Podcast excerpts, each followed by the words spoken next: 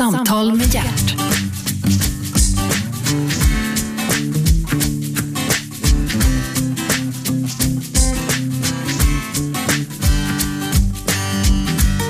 God morgon och hjärtligt välkomna till Radio 1, pratradiokanalen nummer ett, men det vet ni ju alla vid det här laget. Och att programmet heter Äntligen, det vet ni också men att idag är äntligen Karin Thunberg här. Det hade ni ingen aning om. Välkommen Karin! Tackar, tackar.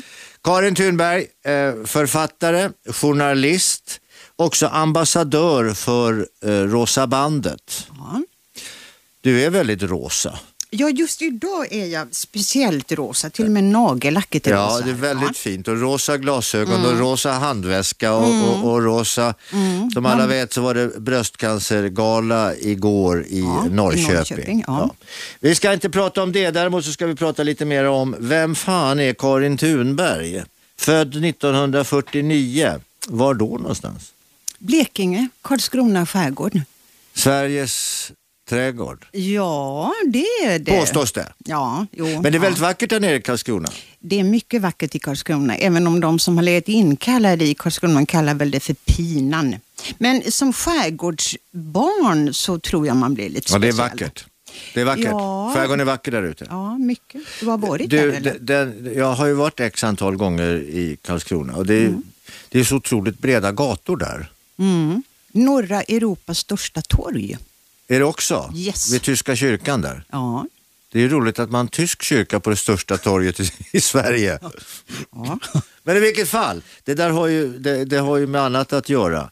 Eh, när vi fick hit tyskar som kunde något som eh, satte fötter på Sverige så att vi kunde marschera ordentligt. Men du, har inte det med att göra de där breda gatorna? Karlskrona var väl en gång tänkt som lite huvudstad va? Och kära någon, vilket år talar vi om nu? Nej, men nu 1600-tal? pratar- ja, nu pratar vi Eh, way ja, back. Ja, du, där är, men jag är nog, alltså, om jag ska vara präglad av någonting så tror jag inte det är så hemskt mycket Karlskrona utan mer alltså den skärgårdsö där jag är född. Jaha, jag vad heter den? Kyrkö heter den. Okej. Eh, och jag tror att om man är född på en ö så blir man lite speciell. Det är, är, mm, som barn har man ett eget universum. Mm. Man har en väldig frihet. Nu är jag ju då så väldigt gammal också. Så, att, Ja, så jävla gammal är du Nej, inte. nej. Allt är relativt. Född Men- 49, det är väl ingenting. jag Nej, är nej. född 45. Ja, ja, då är jag ju purung i jämförelse. Men när jag var barn så fanns det ju inte ens en bro över till denna ö. Så att jag tror att jag är präglad av dels av friheten som fanns där, men också längtan bort. Och nu när jag har skrivit böcker här, några stycken, Ja. där jag har tagit delar av mitt liv, så kan jag ju se att genom mitt liv så löper en röd tråd av längtan bort, som är mitt morsarv. Först hade jag en mormor som stod vid ångbåtsbryggan och längtade in till fastlandet och sen hade jag en mamma och sen hade jag mig själv. Ja, men vad, då, karlarna då? Vart längtade inte de? Morfar och pappa? Nej, de tror jag var, eh, de hade ju i och för sig ett arbete. Männen Ja. tog sig ju från ön. De skulle in till fastlandet. Min morfar var lärare så han, Okej. han var där. Men det var ju kvinnorna som på något sätt blev kvar. Hur många var ni på ön? Ja, idag är det väl inte mer än ett par hundra. Det var ju betydligt fler när jag var liten. Eh, Mm. Men det fanns, det fanns skola, det skola. Ja, det var skola. skola två, affär, po- post. två skolor och två handelsboder och Ja, en ser. grusväg emellan. Ja, och en fan, vad ubåt som gick på grund En där för 30 år sedan. Ja, U137. Mm. Var en sån sak. Bara en sån sak, då var jag krigsreporter. Jaha! Ja, det skrev jag en kolumn om i lördags. Jag åkte dit. Jag fick för mig att det var 83, men det visade sig... Nej, vänta, 81 hände detta. Mm. Men det var några år senare. Då åkte jag dit. Eh, Jag skulle liksom fånga eh, öbornas reaktioner. Man trodde grodmän gick runt, ryska grodmän. Det var utegångsförbud och min pappa svor och sa helvete heller, det är klart jag går ut på vägen om jag vill. Ja, ja. Så jag, jag mötte inga panikslagna öbor. Du gjorde inte det? Nej, jag mötte Maj-Britt som hängde tvätt och alla sa det är de där militärerna i Stockholm som vill ha mer pengar. Ja, men det var väl kanske så. Och en full ubåtskapten. Ja, det var lite allvarligare, men i alla fall. Det var Ja, ja, den enda skitsamma. gången. Ja. Mm. skitsamma. Jag kommer ihåg det där så väl. Jag kommer, ihåg, jag kommer ihåg bland annat de här bilderna som, som fanns på de här ryska grodmännen. eh, som man då hade ritat in på olika kobbar och skär. Ja, just det. Just det. Ja, det var fantastiskt. Du, du är numera författare, du har skrivit pjäser och mm. Eh, du arbetar vid Svenska Dagbladet. Mm. Jag pratar med Karin Thunberg och du lyssnar på Radio 1. Programmet heter Äntligen. Karin Thunberg, varför blev du journalist?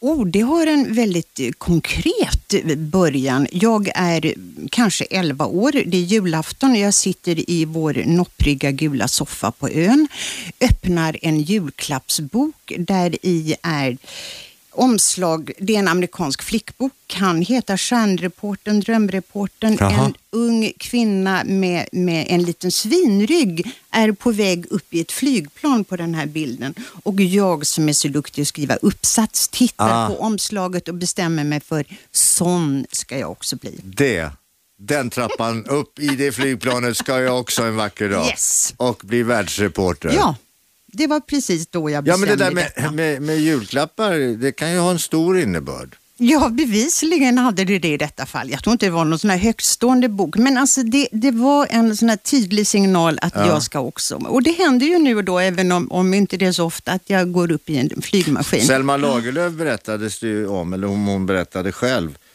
eh, att hon fick en bok i julklapp i fransk på franska.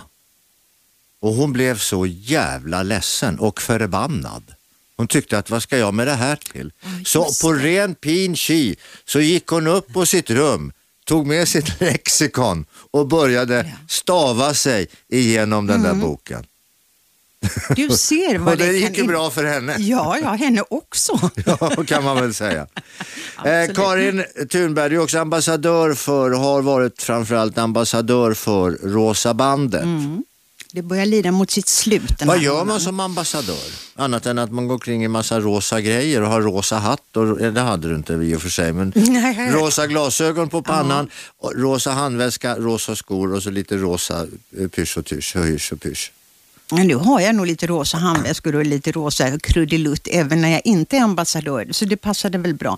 Jag, jag undrade också, om jag ska vara helt ärlig, hur, hur, vad jag skulle göra när jag fick denna fråga som jag kände att jag inte kunde tacka nej till eftersom jag ju är bröstcancerpatient själv. Du är drabbad? Jag är drabbad. eh, Karin tycker inte om det här ordet. Varför vi skrattar, det är lite opassande, men, men jag stirrade mig här utanför och så sa han, är, är du drabbad? Och då ryggade jag lite till och det, det får jag väl gå hem och fundera över. Det lät det är, alltså, jag menar att, att få bröstcancer är att vara drabbad och den första känslan som jag tror väldigt många det är ju det här, nu kommer jag att dö. Ja, du hamnar väl per definition i dödens väntrum så fort överhuvudtaget någon säger att Ja, och även om vi idag har statistik när det gäller bröstcancer, att vi vet ju att 80 procent lever alltså efter tio år. Så man borde ju kunna eh, någonstans ha en, li, en liten tanke att ska man ha en form av cancer så är bröstcancer en ganska bra sort om man kommer någorlunda tidigt. Men ändå så tror jag att bara diagnosen, beskedet, mm. man faller rakt ner i den svarta källan. Och när jag då, för att svara på frågan varför jag är ambassadör, så, så är det ju för att tala om det. För att eh, dels uppmana människor till att köpa ett rosa band, vilket man väl fortfarande kan göra några mm. dagar för att... Eh, ja, det är oktober månad som Det är eh, oktober det månad för att få in mer pengar till bröstcancerforskning.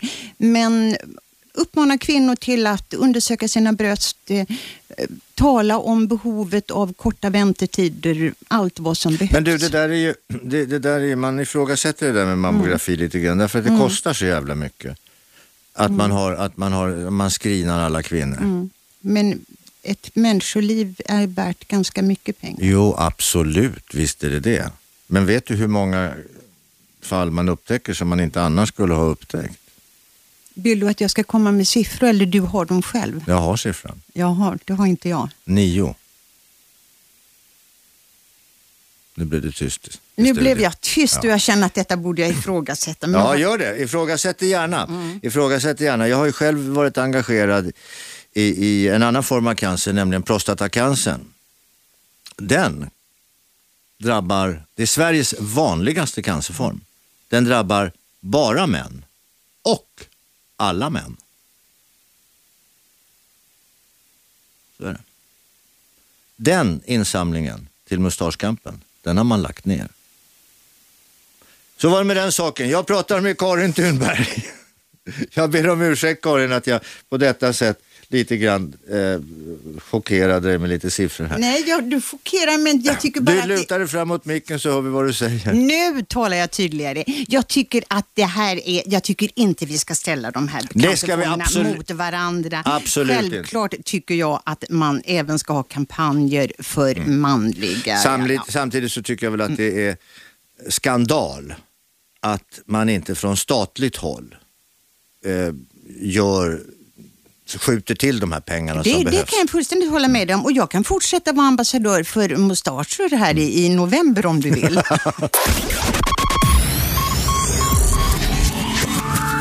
Äntligen! Samtal med hjärt.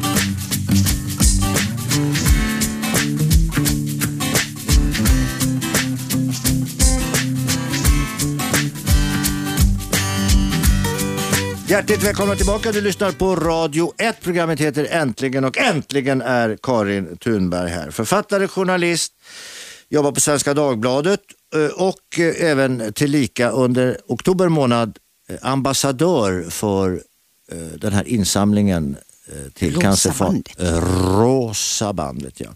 Du, när du själv blev jag kallade det för drabbad och du tittade på mig, hajade till och undrade vad fan menar han med drabbad? Är jag drabbad? Eh, det sa man förr sa du. nej, nej, Hon är nej, drabbad. så sa jag inte. Kräftan tog henne. Alltså man, det var så jävla dramatiskt allting. Men va- vart jag ville komma var, det var det att när du fick det här beskedet Mm. att Karin, säger doktorn och eh, ser väldigt allvarlig ut, du har bröstcancer. Hur tog du det? Ja, men eh, det var ju så att jag kände mig drabbad, precis som du sa. Och det var till och med så här att jag gick till eh, min gynekolog i första vändan och jag minns att när hon öppnade dörren eh, och skulle ge mig beskedet så blev jag helt iskall och tänkte nu kommer hon att säga något hemskt för hon såg så väldigt snäll ut. Och så sträckte hon fram handen och så sa hon Karin kom in, sätt dig ner. Och då tänkte jag nu är det färdigt. Eh, så det absolut första reaktionen var nu kommer jag att dö. Och då hörde till saken att min mamma hade dött i metastaser av bröstcancer bara Okej. ett år tidigare. Så i min värld var det ju så här att får man bröstcancer så dör man. Plus att man vet ju det att det kan ju finnas en genetisk belastning Mm. Ja. i, i sammanhanget. Ja, absolut. Eh, sen fick jag veta långt senare att om det hade varit denna ärftliga del så hade jag förmodligen, om jag nu förstod det rätt, fått det tidigare. För Mhm. jag var nästan 50 när det hände och den hade varit aggressivare än vad det visade sig att den var. Men hur som helst, detta vet jag ju inte den eftermiddag jag får beskedet. Och eh, alltså det, det är några sådana timmar som jag verkligen har oerhört tydliga minnen. Jag kom ut på Sturegatan och det kändes som någon hade skruvat i en glödlampa som var mycket, mycket starkare över hela Stockholm. Allt var så tydligt, varenda kontur. Och så cyklade jag hem och så hade jag en tonårsson hemma och så tänkte jag, vad i herrans namn säger jag till honom? Mm. För, då hade jag, för det började med egentligen att jag inte upptäckte den här knölen på mammografi utan jag stod lite halvslött på vardagsrumsgolvet, tittade på Aktuellt, såg Jarl Alfredius och kliade mig lite förstrött på ett vänsterbröst och upptäckte, herregud det finns någonting där. Som en liten nonstop dragé som hade fallit ner på kanten. Och då säger jag en Så där pratbubbla. som man gör Ja. när man står och tittar på Jan Alfredius. ja, när man stod, för han finns inte längre. Nej, när man stod och tittade. Ja, Ja, och då säger jag en pratbubbla till, rakt ut, men herregud, det känns som om jag har någonting här. Så min son hade varit, som då var 13-14 år, Mhm. Han hörde detta och där, det var alltså det första när jag cyklade hem. Var, hur, vad säger jag? Vad förklarar jag? Och nu har jag ju mött så oerhört mycket kvinnor bara under den här månaden. Det här, vad säger man till barnen? För barnens första fråga är, mamma kommer du dö nu? Mm. Ja, men det är klart. Och då sa Och det jag, är det första du tror själv. Ja, men nej, sa jag och korsade fingrarna bakom ryggen och hoppades på den gud jag är inte helt säker på finns, men dock inte av det här. Men det tog ju ett tag innan jag kom så långt så jag insåg att den var en ganska hygglig sort. Hur, hur, hur mycket har du opererats och hur mycket har du strålats och hur mycket har de fixat och trixat med dig? Första vändan tog man en bit, en sån här tårtbit som det kanske inte heter längre eh, och efteråt så blev jag strålad på Radiumhemmet. Mm -hmm och eh, sen hade man då kommit fram till att det var en hormonkänslig eh, knöl eh, så jag började då äta sådana här antiöstrogentabletter i fem år. Och, under den och då var du tvungen att käka regelbundet? Du, var, du, du gick på medicin helt ja, enkelt? Ja. ja, det är det man gör när det är sådana här hormonbaserade tumörer mm. som ju är väldigt vanliga.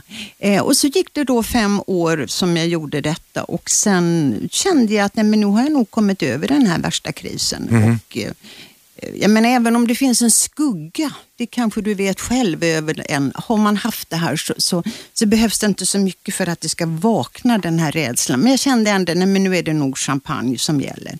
Och så gick det två år till och så stod jag i sommarhuset och kliade mig förstrött på nu samma. Nu är det bröst. sju år emellan alltså från mm. det första beskedet. Mm. 98 och 2005, då mm. upptäcker jag en knöl till i samma bröst. Eh, och då är, åker jag omedelbart från landet in upp till Stockholm och får veta att jo, det är samma sak. Mm. Eh, och den gången tar man hela bröstet för det är inte medicinskt försvarbart som min läkare sa. Utan nu, och då kunde man inte stråla heller för då, det hade man redan gjort. Ah, ja, okay. eh, så då tog man hela bröstet och sedan så fick jag äta en ny vända sådana här antiöstrogentabletter. Okay. Eh, men nu har det ju gått sju år igen. Mm -hmm. Sex. Mm. Men vi lever ju, vet du, som du jag vet. lever. Ja, men vi lever i sjuårsintervaller. De sju goda åren och så de sju onda åren. Ja, fast nu räknar jag med att de ska vara lite till. Ja, vi har sjuårsäktenskap. Allting går ja, ju i sju ja, år. Ja, liksom. av någon outgrundlig anledning. Vi börjar skolan efter sju år. Vi slutar skolan efter ytterligare sju år. Jaha, så du är inne i sån här sjuårs... Ja. Nej, jag är inte inne. Jag bara ser hur det du ser ut runt omkring. Du konstaterar detta, de sju goda åren och de mm. sju magra. Ja, ja jag vet inte. Men, men eh, hur, hur tog familjen det här? Ja, alltså det, det, är ju någonting som jag har talat mycket om den här ambassadörsmånaden. Det är ju att det här är, en, det är någonting som drabbar hela familjen. Det är ju inte bara, jag menar om man som kvinna får bröstcancer så drar man ju med av alldeles förståeliga skäl sin man, sina barn, mm. alla andra. Och det är ju inte helt lätt att hantera. För nej, jag menar, nej. om man själv tror att man ska dö och sprider detta och väldigt många kvinnor är det ju ändå de som på något sätt är ankaret i familjen. Och ligger mamma bara under en filt och gråter och säger hon ska dö så är det ju, jag menar. Ja, det är ju värdelöst. Men du, ja. Men, men, ja men det är ju det, det, är helt, det går ju inte. Mamma får ju inte agera Nej, på det viset. Så de flesta mammor gör, ligger inte under filtar och säger de ska dö. Men utan... måste man göra det då? Nej, alltså grejen är ju att man, höll jag på att säga, att i bästa fall och i väldigt många fall så dör man inte. Mm. Eh, jag menar, det här är väl en annan sak jag känner att det är viktigt som ambassadör att bevisa att jo då, även efter två smällar kan man springa runt i rosa stövlar och vara någorlunda pigg. Men, men du, du, du är lite drygt 50 till och med drygt 60. Jag fyller 62 förlåt. nästa, om två förlåt, veckor. exakt. Det var jag. Nej, jag tycker det, var trevligt att du började tala drygt 50. ja, men du är drygt 50. Men du, förlåt. Runt omkring dig då? Väninnor och eh, andra? Har du, har du folk omkring dig som också, alltså nära, nu pratar jag om, om nära mm. bekanta eller släktingar eller så. Du berättade att din, din mamma hade dött. Om jag har folk omkring mig som, som också är drabbade eller? Ja. Ja, det är det. Något år före jag, jag blev sjuk så hade jag en nära väninna som fick bröstcancer och hon dog. Mm -hmm. eh, en av mina absolut närmaste. Alltså då hade du ju det ja. som referens. Ja, ja. Och din mamma. Ja. Mm. men ja. jag vet ju väldigt många som inte har dött. Men du, du är ju, förutom att du är journalist, så är du författare också. Så du kan ju klä sådana här saker, sådana här känslor, det här stora svarta hålet och den här lampan som löser över mm. Stockholm Du kan ju klä sånt där i ord. Mm. Det kanske inte många kan. Det kan ju finnas en befrielse i det att man kan skriva sig igenom. Ja, vilket jag också gjorde. Första gången jag, jag blev sjuk så bestämde jag mig för att det här skulle jag absolut inte skriva om. Jag skulle bara tala med människor som stod mig nära. Jag ville inte bli stigmatiserad som cancerpatient. Jag ville inte att läsarna skulle möta mig på Ringvägen och titta på mig. Stackars människa, där går hon. Men när det hände andra gången så kände jag, ja men nu har ju liksom det värsta hänt två gånger. Ja. Nu kan det ju inte vara så farligt. Eh, Så lite som terapi började jag faktiskt skriva på, eh, som någon slags dagboksanteckningar från tiden till jag får diagnosen fram till så jag får veta att det var en ganska hygglig sort även andra gången. Eh, Och det kom så småningom i en bok som heter Mellan köksfönstret och evigheten. Bra titel. Ja. Väldigt bra titel. Mm. Och den har jag ju åkt runt med väldigt, väldigt mycket och talat. ju. Och det är ju alltså mm, flera år sedan den kom. Eh, för jag, det jag kände när, när jag eh, föll ihop där under ett äppelträd på Österlen, det var ju att eh, vi måste ha tre ben att stå på. Alltså, faller man ihop, det räcker inte med liksom att ha arbetet eller eh, familjen. Utan jag såg man, när någonting går åt helvete så behöver vi ett extra ben. Och så såg jag, det kan vara vad som helst, men jag såg, vi behöver arbete, vi behöver kärlek, vi behöver vänner. Mm. Men många trasslar ju in tron i det där också. Många ja, trasslar in. Många vände sig efteråt till mig och sa det där att Nej, men jag har ingen man men jag har en liten hund, gills det? Men också, jag har en gudstro. Jag har min Gudstron, gudstro. ja. Ja. Ja, nu tycker väl inte jag heller att man ska blanda in Gud i allting. Jag tror väl att läkarvetenskapen när det gäller just bröstcancer har kommit lite längre än vad vår Herre har gjort kanske. Har, men om man har en tro så tror jag att den är ganska bra Ja, i detta sammanhang. absolut. Så att jag skulle kunna avundas dem som på något sätt. Positivt tänkande, det, det kan hjälpa. Jag tror att de som är, har en stark gudstro uppfattar det som mer än positivt tänkande.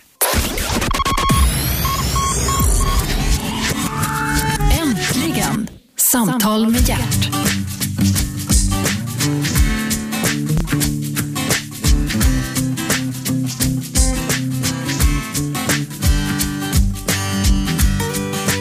Välkomna tillbaka, du lyssnar på Radio 1. Programmet heter, heter Äntligen och jag heter Gert Fylking. Och äntligen är Karin Thunberg här. Du, jag bläddrar här lite grann i det- här som man kan få på Google nu för tiden som heter eh, Wikipedia. Oj, det har jag inte läst. Har du inte? Nej. Jag, Det kan finnas felaktigheter där. Ja, jag ska Som- genast rätta dig. i så fall. Du är född 1949, svensk journalist, kolumnist, författare, pjäsförfattare. Sen har du fått fina priser också. Och stipendier. Alldeles för få. Mm. Ja men så är det ju alltid.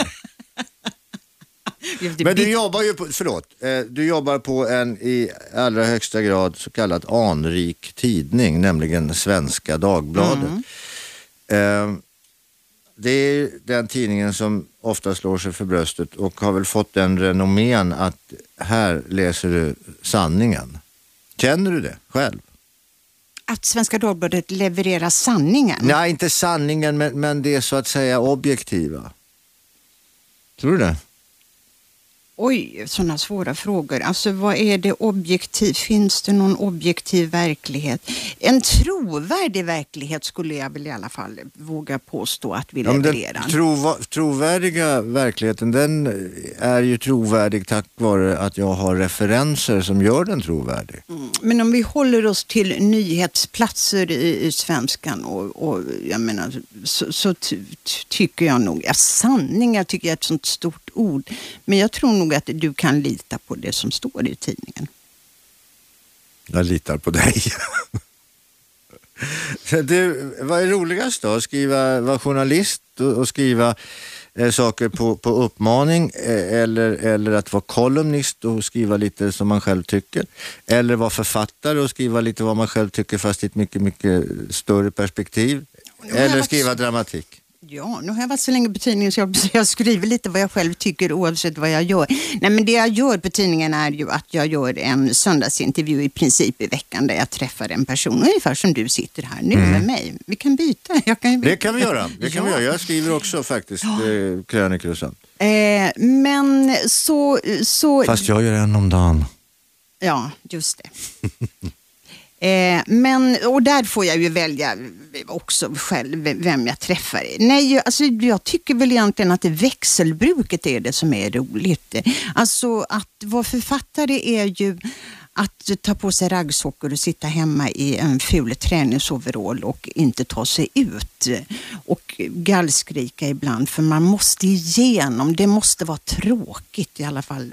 Jag kan inte vara författare och springa ut på luncher utan jag måste samla ihop mig. Ja men det hör man ju från, från alla, eller inte ja. från alla, men från väldigt många författare att det, skrivandet är 10 procent, vad det Jan Guillou som sa, 10 procent inspiration och 90 procent transpiration. Ar transpiration, arbete, ja. hårt arbete. Men sen, som journalist kan jag också tycka att det är väldigt härligt att få sitta kvar, att inte behöva bli klar, att inte leverera oavbrutet utan att jag får hålla på och hålla på. Jag kan kasta och jag kan göra om. Att få liksom sjunka in i någonting. Och när jag har gjort det en period, jag mm. menar jag har skrivit ett par böcker senast nu här i höst har jag kommit ut med en som heter En dag ska jag ta mig någon annanstans.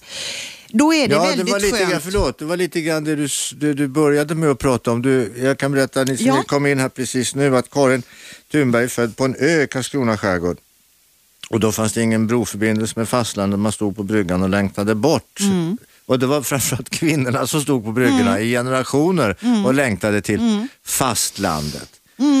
Och är det utifrån det du då har skrivit den ja, här boken? jag kunde nog se hur den här längtan bort har varit som en väldigt stark drivkraft. Fast den här boken handlar egentligen om 70-talet. Då har jag tagit mig från den där ön. Jag tar okay. mig till Skåne, eh, till Malmö och jag har pilgrimsvandrat i mina egna spår, vilket var väldigt intressant pilgrimsvandrat. Ja. Det, det, får lite grann ett sånt där religiöst skimmer ja, över men jag sig. mötte så många som hade vandrat där i, i norra Spanien och man, man ja. går pilgrimsvandring och funderar över sitt liv. Och då... Agneta Sjödin gjorde det bland annat. Ja, det finns massor av Nej, människor Hon skrev som har också en bok om ja, det. Anders Paulerud gjorde det och ja. skrev en fantastisk bok Vet du vad Robban Aschberg och jag gjorde? Nej. Vi gick från Ystad till Haparanda. Ja, du ser, och jag gick ifrån Malmö central ut till förorten Söderkulla. Det tog mig fyra månader, men det var 40 år tillbaka i tiden. och det är ganska intressant ja. när man börjar gå tillbaka och se vad som händer. Så ja, det har jag gjort. Vad var din fråga? Nej, ja, frågan var vilket, vilket var mest intressant? Att, ja. att, skriva, skriva i en tidning, alltså det vill säga ur, ur ett journalistiskt perspektiv eller skriva kröniker eller skriva böcker romaner eller skriva pjäser. Mm. Vilket, du har ju skrivit allt det där. Ja. Arbetat med alla ja. de där. Och det tråkiga svaret som jag då började med det är att det är ju fantastiskt att få, få växla. För när jag har gjort det igen, när jag har suttit där i raggsockor i ett halvår eller ett år, då är det ju väldigt trevligt att ta på sig, liksom gå bort skorna och gå ut och, och göra intervjuer, att möta människor. Mm. Jag är ju, jag tror jag är lite för social för att jag skulle kunna bara sitta hemma och vara författare. Ja, du vill gärna ut och det är en sån där lattekärring som går ut och... och tar upp plats på konditorier. Nej då, där sitter alla... Lattemammor. Ja, lattepappor. Ja, det har ju blivit det också. Mm. Vilket jävla nederlag för hela mans Nej, det ska kulturen. du sannerligen inte se. Snarare så tycker jag att det är fantastiskt att vi ändå har kommit så långt så vi delar ansvaret. Nu absolut. måste jag bli ah, nej, nej, nej, nej, nej, absolut. Är det att, att männen dricker kaffe som är nederlaget? Alltså, det finns väl vettigare saker man kan göra med barn än att sitta och sladdra med andra gubbar. Nej, det tror jag män behöver. Ja, ja, okej, okay, fine. Du, tillbaka till frågan då, huvudspåret som det heter. Mm. Var du en bra husmor? Jag menar, nu, ur, med ålderns ur perspektiv, det vill säga att du är ju över 60 bast. Just det. Ja. Och då var ju tiden en annan än vad den är idag. Nämligen, vi är ungefär jämngamla du och jag, så jag kan relatera till hur det var själv. Mm. Men då är det ju så att jag var en alldeles usel husmor eh, därför att jag inte hade lust att vara det. Och eh, det här, en dag ska jag ta mig någon annanstans och min pilgrimsvandring till Söderkulla förorten där jag bodde som nygift när jag var 21 och stod och stirrade ut genom ett fönster. Så egentligen, det var mycket värre än att stå vid ångbåtsbryggan för här, där kände jag, här kan jag absolut inte stanna. Jag måste ta mig någon annanstans väldigt långt härifrån. Så jag bröt upp väldigt. Jag menar, jag var väldigt ung när jag gifte mig. Jag, säga, jag var ännu yngre när jag skilde mig, men det var jag väl inte. Men jag var, jag menar, jag tror jag var 23 år eller någonting. Du var gift i två år. Ja, i, men det var min ungdomskärlek så att det, det var Ja, en det- längre relation. Det räknas ju ändå. Ja, men eh, så det var ett, ett väldigt medvetet steg att jag kan inte bli sittande i en förort och föda barn. Och Men det är, ganska, det är ett ganska tufft eh, beslut Oh. att ta det där i, i vad blir det, början på 70-talet. 70-talet. Ja. För det var inte så där jätte, jättevanligt. Det var väldigt Även om ovanligt. hela den här eh, so- 68-vågen hade sköljt över oss och så vidare. Men ändå. Men du vet, jag tillhörde ju inte den och det är en annan sak i min bok. Alltså, när jag funderade på de här åren, det finns väldigt mycket böcker, det finns väldigt mycket talat om de som stod på barrikaderna, de som gjorde sexuell revolution. Men jag menar, jag var nygift, satt i en brun manchestersoffa och tittade på Hylands hörna. Vem har skrivit några böcker om oss? Men vi fanns ju också. Och det, Ja, otroligt nog. Och ni Ja. tror jag lite grann trots allt var ryggraden i det vi idag kallar Sverige. Ja, och det var vi som så småningom, jag säger inte att det var något fel att sitta där, det var nog de som blev kvar och tyckte att det var livet. Men jag tog mig därifrån. Men det var ju, jag menar när jag kom hem till ön så var det ingen som ens hade berättat att jag var skild, för det var så skamligt. Så att det, Jo men det var det jag menade, det var en annan tid, det var en annan anda. absolut. Men, men sen då? Sen blev det en ny...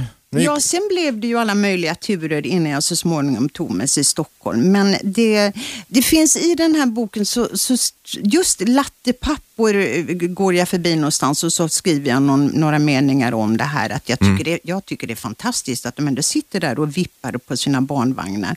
Och så skrev jag någonstans att jag förstår inte vad de här bitterfittorna, varför de är så förbannade. De, det har ju hänt så mycket, kan de inte se det? Jo, men jag har också tänkt på det där att, att utvecklingen har ju gått Mm. framåt när det gäller maskiner och när det gäller elektronik och när det Mm. gäller transporter och när det gäller media. Det har gått, alltså, ja, det har ju gått blixtsnabbt. Människan, individen, hänger ju inte med. Den utvecklas ju faktiskt inte lika, lika fort mentalt. Som, som till exempel en, en mobiltelefon Nej, men utvecklas. väl kanske beroende på att vi är lite mer komplicerade Ja, konstruktioner. jo men exakt. Men kan man inte, du nämnde bitterfittorna, kan de inte då kanske titta på att det faktiskt händer saker och ting? Men- att det, men- men det var det- evolution, vi pratar om miljoner år här, det måste ju hända, det måste ju gå över tid. Ja, för det, om jag får bara fullfölja den meningen så skrev jag detta och sedan har flera unga recensenter blivit väldigt arga på mig och de hade olika positiva saker att säga om boken men slutade med jag blir väldigt ledsen att Karin Thunberg ger sig på de här eh, unga tjejer. Och då kände jag, men då har, det är ju inte det jag gör, utan just som du säger, vi måste också kunna se vad det är som har hänt. Och framförallt så, så jag menar, som hemmafru, dotter vet jag, bitterhet kommer vi ingenstans med. Nej, verkligen inte. Nej men det gör vi inte. Men det finns ingen utveckling i bitterhet. Nej. Men du har ju visat genom en ganska, ett ganska ovanligt tufft sätt att förhålla dig till livet redan som ung. Nu reser dig ur den bruna manchestersoffan, tittar ut ja, genom vi var väl fönstret fler som gjorde det. och sa här ska jag inte bli kvar, skilde dig efter Ja. två år och gick Ja. och tog dig till Stockholm. ja, Och så blev du journalist. Jag hade blivit journalist redan innan. Jag menar, i, när jag inte satt i det bruna manchestersoffan så cyklade jag till Hemmets veckotidning och gjorde intervjuer. Och jag hittade alltså en gammal dagbok där, det, där redan 1971 var jag så duktig, så duktig. Det står liksom dag ut och dag in, telefonintervju Lill-Babs rätt trevlig. 15.00 intervju Nisse Ahlroth, Sveriges Television. Han Aha. hade hunden med. Och så vidare och så vidare. Name dropping.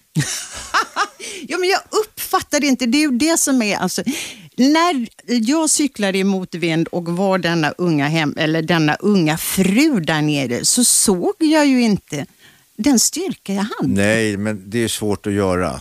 Det, Ja, det, alltså nej, det- men det är ungefär som om, om hästen kände sin egen styrka så skulle han inte stå och gå där han gjorde. Nej, du har rätt. Men, men så, så det, med, med lite sorg kunde jag ju se vilken jävla namn hon hade den här tjejen som jag ju inte kunde se då.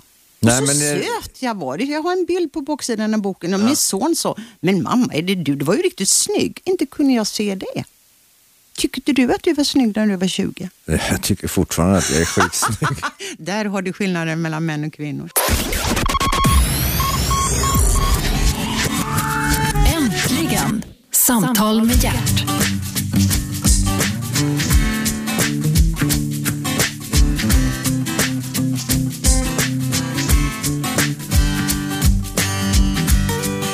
Välkommen tillbaka, du lyssnar på Radio 1. Programmet heter Äntligen, jag heter Gert Fylking och äntligen är underbara Karin Thunberg här. Författare, framförallt journalist, kanske framförallt författare, kolumnist, men framförallt i dessa dagar ambassadör för insamlingen till Rosa bandet, det vill säga forskningen kring bröstcancer. Ja. Eh, Det här att bli kallad som ambassadör, hur kändes det när de tog kontakt med dig? Smickrande. Mm. Eh, och, och lite sådär allvarligt. Så, vi pratade om det tidigare. Jag kände så här, oj vad är det jag ska göra och, och vad förväntas det av mig och hur mycket har jag tid med eftersom du, jag har lite andra um, arbetsuppgifter också. Ja men du, vad fan, tid har man inte, tid tar man sig. Ja, och det kändes lite prioritering av det här och, och eh, jag har medverkat i lite olika sammanhang för att tala om detta. Eh, Och nu är det här. och nu är jag här, ja. Ja. Eh, vi har pratat om, du har en son Mm, eh, som nu är någonting kring 20 då, måste han vara. 26. 26 till och med. ja, det är ju jättebra. Men honom fick du ju inte med din man som du gifte dig med när du var 21. Nej, jag fick inte ens honom med den man jag är gift med idag. Nej. Det finns några liv däremellan. Jag vet inte hur, hur många timmar har vi på oss? Nej, nej, vi, ska... nej, men vi, vi, behöver inte, vi behöver inte detaljerat gå in i, i saker och ting. Nej, men det är, du har alltså varit gift tre gånger? Eller gift... eh, Nej, det har jag haft- inte. Jag har varit gift två gånger, Två gånger. men det har funnits något liv däremellan. Ja. Okej. Ja. Är det du som byter eller är det ett gemensamt ställningstagande? Och kära någon sådana svåra frågor. Ja, det svarar enkelt. Eh, ja, första gången var det ju, alltså när jag var, väldigt ung så var det ju jag som bröt upp. Det är tufft. Eh, andra gången var det kanske lite mer komplicerat. Okej. Men det som händer, om jag ska hålla mig till de positiva delarna i mitt liv, så trodde jag ju ändå att det här med förälskelse och kärlek är någonting som hör, det tror man ju i alla fall när man är 20, att det är något som hör ung, ungdomen till. Men det som hände var att jag vid bortåt 50 möter en man och gifter mig efter tre månader. Mm. Du, jag, jag träffade en kvinna, friade tre gånger, hon svarade nej hela tiden. Jag fick ligga på rätt ordentligt. Mhm. Vi förlovade oss efter ett halvår och var gifta efter nio månader.